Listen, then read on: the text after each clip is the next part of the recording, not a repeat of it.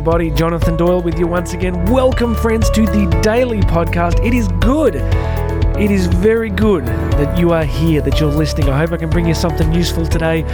Whatever is happening in your life, I'm just hoping I can bring you some insight. I am on this journey with you. Trust me. Uh, I'm in a challenging season. My kids are still young. I used to say to Karen that when they were really young, I thought this will be the hardest phase, right? This will be really hard because they didn't sleep. They were so little. You just you, you can never take a break. And now they're pretty much all young teenagers. It's a whole new world. It's just like, man, you got to be on. You got to be on from the second you move.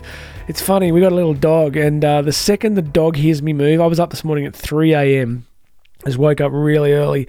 The second I move, the dog hears me because I got in this terrible habit. I give the I give the animal this dental treat, this little snack thing every morning.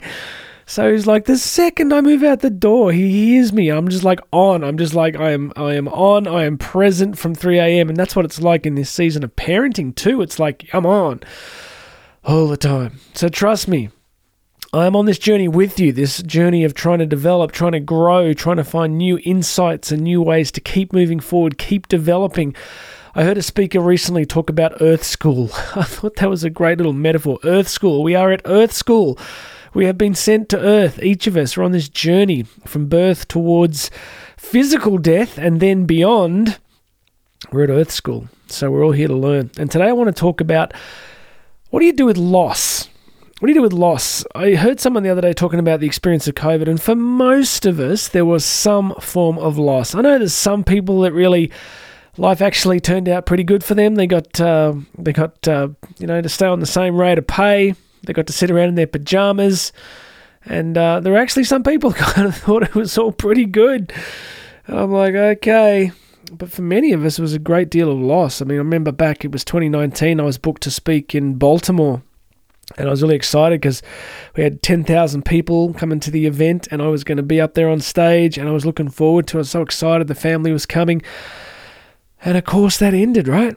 And then all my US speaking obviously ended, and then my speaking here in Australia ended, and um, a huge experience of loss, re identifying, right? Like, I basically spent two years homeschooling and helping out here, and um, many of you can relate to this different forms of loss. I might have younger listeners that lost educational time, I might have older listeners that lost access to family and friends and connections. So, you know, personally, for what it's worth, I think the way it was handled was um, somewhere north of truly abysmal, and many of us suffered very needlessly. But um, whatever your take is on that, we're dealing with loss, right? We're dealing with the experience of loss. What do you do when you have loss in life. And you might have loss in terms of maybe it's a relationship, right? You've lost somebody, a relationship didn't work out. Maybe it's a career thing. You know, all of us at some stage experience loss. And what do you do with that? And the insight that I came across recently was really helpful for me was that the opposite to loss is creation, is to create. When you lose something, there's a sense obviously something's been taken away. So the opposite of that is not to sort of guess, you know, internalize bitterness and disappointment, but the opposite, in fact, is to turn towards creation, to create again, to start again. Karen and I are right in a phase at the moment, really redirecting and rebuilding our global online business, our global media business. And it's a time of recreation and it's like hard. It's like so much work to be done, so many new tools and skills and things that we have to put together, but it's a creative phase for us. So we're responding to the loss of the last few years with a season of creating. And by no means I want to make this sound easy, it's not. But what are your options, right? The options are to stay stationary, to basically stay stuck in life, or worse, to turn inwards, to turn into bitterness and resentment and disappointment and blame and, you know, self rejection. So I want us all to get on the same page with this issue of loss. We all have it, right? We all have it.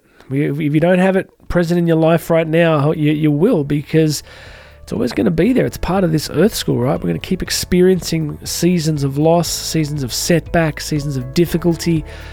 But let's keep staying creative. Let's find creative ways. I mean, of all the things about us as a species, one of the things you can really point to is our ability to innovate, create, adapt to the most difficult, difficult circumstances.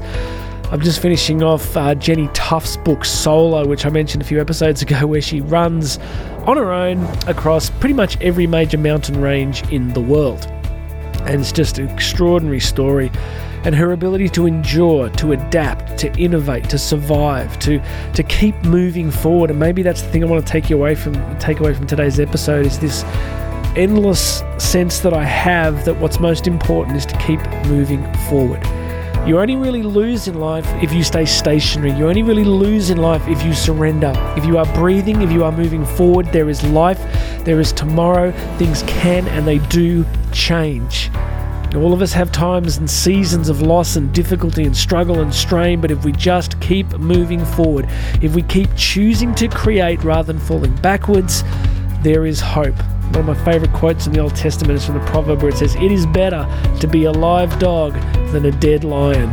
right? Long as you got breath, friends, there is always tomorrow. So press on, press on, press on. Let's get creative. Take all the difficulties that you faced and be a person who chooses to keep creating and building. All right, that's it for me today. God bless you, everybody. Please make sure you've subscribed. Send this to somebody that needs a bit of encouragement, a bit of a bit of a pickup, and go and check out all those links for coaching, for free stuff, to book me to speak. It is all there. God bless you, everybody. My name's Jonathan Doyle. This has been the Daily Podcast, and you and I are going to talk again tomorrow.